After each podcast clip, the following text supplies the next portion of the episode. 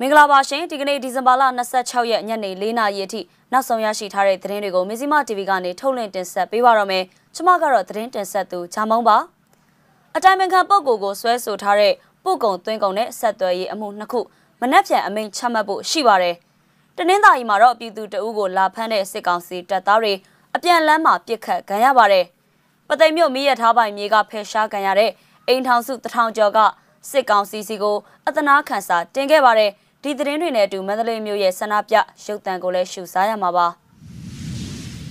နိုင်ငံတော်တိုင်ပင်ခံပုဂ္ဂိုလ်ဒေါအောင်ဆန်းစုကြည်ကိုဆွဲဆိုထားတဲ့ပုဂ္ဂုံသွင်းကုန်ဥပဒေပုံမှန်၈အမှုနဲ့ဆက်သွယ်ရေးဥပဒေပုံမှန်68အမှုနှစ်ခုတို့အတွက်လာမယ့်ဒီဇင်ဘာလ29ရက်နေ့မှာအပိသက်အမိန့်ချမှတ်ဖို့ရှိနေတယ်လို့ရှေ့နေအတိုင်ဝန်စီကနေသိရပါဗျ။အဲ့ဒီအမှုနှစ်ခုအတွက်ပြီးခဲ့တဲ့ဒီဇင်ဘာလ20ရက်က အပိသက်အမိန့်ချမှတ်ဖို့တရားရုံးကဆုံးဖြတ်ထားတာပါဒါပေမဲ့အမိန့်ချမှတ်မဲ့နေ့မှာနေပြည်တော်ဇဘူသီရိမြို့နယ်အထူးတရက်ခွင်တရားသူကြီးကဘာအကြောင်းပြချက်မှမပေးဘဲရက်ရွှေဆိုင်လိုက်တာဖြစ်ပါတယ်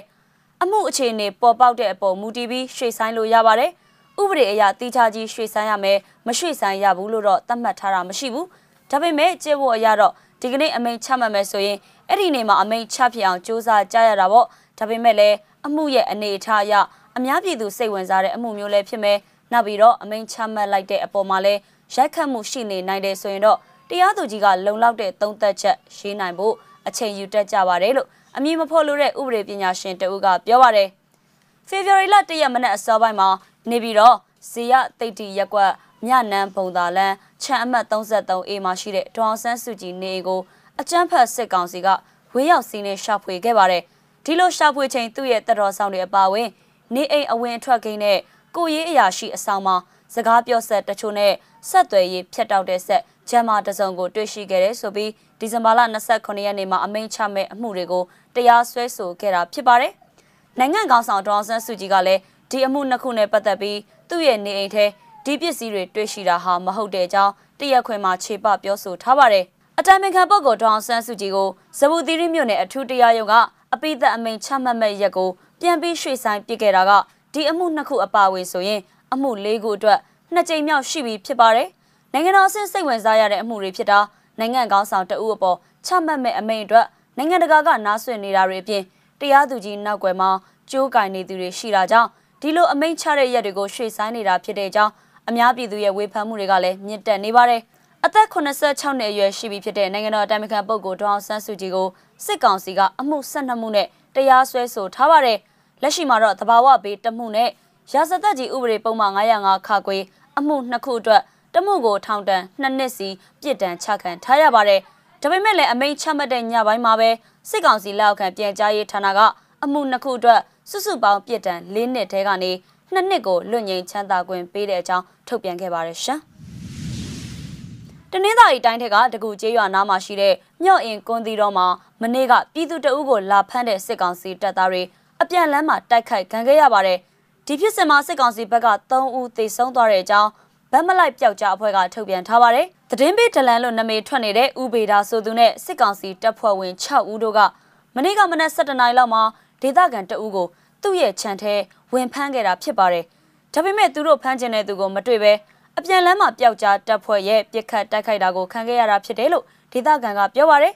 စစ်ကောင်စီတပ်သားတွေလာရှာချိန်မှာသူတို့အလိုရှိတဲ့လူမတွေ့ဘူးအပြန်လမ်းမှာတိုက်ခိုက်ခံရတာပါတပ်သား3ဦးသေတယ်ဒလန်ဥပေတာလည်းပြင်းထန်ဒဏ်ရာရထားတယ်လို့တကူကျေးရွာနေဒေသခံတအုပ်ကပြောလာတာပါဒီဖြစ်စဉ်ပြီးတဲ့နောက်ညနေ9နာရီလောက်မှာတော့တကူကျေးရွာစာတင်ကျောင်းရှေ့မှာစံကယ်ရီကိုစစ်ကောင်စီကရက်ခိုင်းပြီးစစ်ဆေးမှုတွေလည်းပြုလုပ်ခဲ့ပါတယ်ဒီလိုစစ်ဆေးရမှာမရက်ပေးတဲ့စံကယ်ရီကို ပြစ်ခတ်တာတွေလည်းပြုလုပ်ခဲ့တဲ့အကြောင်းဒေသခံတွေစီကနေကြားသိရပါတယ်ရှင်။အေယာရီတိုင်းပသိမ်မြို့မိရထားပိုင်မြေကဖယ်ရှားခံရတဲ့အိမ်ထောင်စုတထောင်ကျော်ကစစ်ကောင်စီစီကိုအသနာခံစာတင်ထားတဲ့အကြောင်း AR Times ရဲ့သတင်းမှာပါရှိပါတယ်။ပသိမ်မြို့မြမမိရထားဌာနပိုင်မြေပေါ်မှာနေထိုင်တဲ့အိမ်ထောင်စုတထောင်ကျော်မှာမိသားစုဝင်3000ကျော်နေထိုင်ကြတာပါ။ဒါကို15ရက်အတွင်းဖယ်ရှားပေးဖို့အကြောင်းကြားထားတာဖြစ်တယ်လို့သိရပါတယ်။ကျွန်တော်တို့နေထိုင်တာနှစ်ပေါင်းများစွာကြာနေပြီ။မရှိစင်းရသားများပါတယ်။ အခုနေပြောင်းဆိုဒုက္ခတွေရောက်ကြမှာအတက်နိုင်ဆုံးမပြောင်းဖို့စစ်ကောင်စီရဲ့နယ်လုံဝန်ကြီးရဲ့တိုင်းအမှတ်ကိုမိရထားတာဝန်ခံရဲ့ပသိမ်ဘူရာယုံပိုင်ကြီးရဲ့ကိုအဓိကထားအတနာခံစာတင်ထားပါတယ်။ဘာဆက်ဖြစ်မယ်တော့မသိသေးဘူးလို့အဲ့ဒီမိရထားပိုင်မြေမှာနေထိုင်သူက AR Times ကိုပြောပါတယ်ပသိမ်မြို့မြမမိရထားဌာနက15ရက်အတွင်းဖယ်ပေးဖို့အကြောင်းကြားထားတာကြောင့်နေထိုင်သူတချို့ကလည်းနေအိမ်တွေကိုဖျက်သိမ်းနေတာတွေ့တယ်လို့ပသိမ်မြို့ကန်တချို့ကဆိုပါတယ်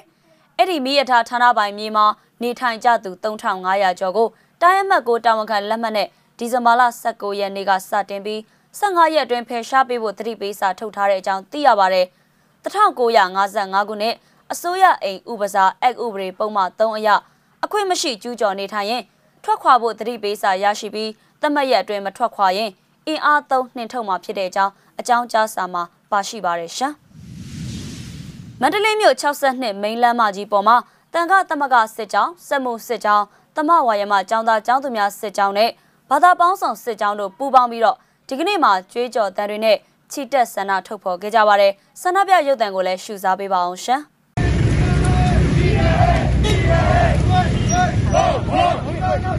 ကြောက်ကြီးကြောက်ကြီးမောင်မြေမောင်မြေကြောက်ကြီးကြောက်ကြီး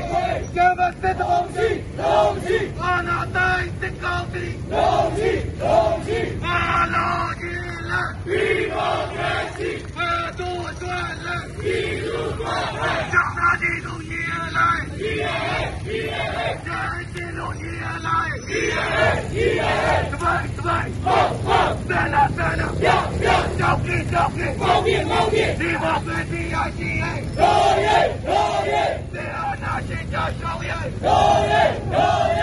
လာဒီမို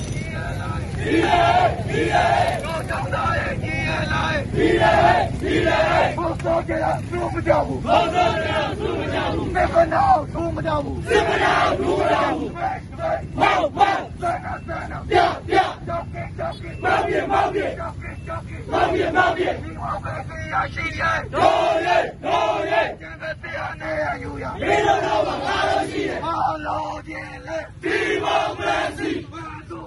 စီဘာတို့အတွက်လဲဒီလူကကြောက်သားကြီးတို့ရည်လိုက်ဒီရဲဒီရဲတိုင်းစီတို့ရည်လိုက်ဒီရဲဒီရဲတပိုင်တပိုင်ဟောဟောဆန္ဒဆန္ဒပြောင်းပြောင်းကြောက်ကြီးကြောက်ကြီးမောင်မြေမောင်မြေဒီမိုကရေစီရရှိရဲ့တော်ရဲ့တော်ရဲ့သေအာနာရှင်ကြရှောင်းရဲ့တော်ရဲ့တော်ရဲ့ကျောင်းသားဒီကြီးရလိုက်ဒီရဲ့ဒီရဲ့တော့ကျောင်းသားရဲ့ကြီးရလိုက်ဒီရဲ့ဒီရဲ့ဘုသောကြရသူမကြောက်ဘူးဘုသောကြရသူမကြောက်ဘူးမေကနာသူမကြောက်ဘူးစစ်မနာသူမကြောက်ဘူးမောက်မောက်ဆန္ဒဆန္ဒပြပြကြောက်ကြကြောက်ကြမောက်ပြမောက်ပြကြောက်ကြကြောက်ကြမောက်ပြမောက်ပြဒီမောက်ပဲရရှိရဲ့တော်ရဲ့တော်ရဲ့ကျန်တဲ့တရားနဲ့အယူရဒီလိုတော့မကားလို့ရှိတယ်။ဟာလောကျင်လေဒီမိုကရေစီဘာတို့တော့လဲဒီလူသားပဲကြောင့်ဒီလူကြီးရလားဒီရလေဒီရလေကြောင့်တော့ဒီရလားဒီရလေဒီရလေဘိုင်ဘိုင်မောက်မောက်သနာသနာပြပြရလာအာရဘီရလာအာရ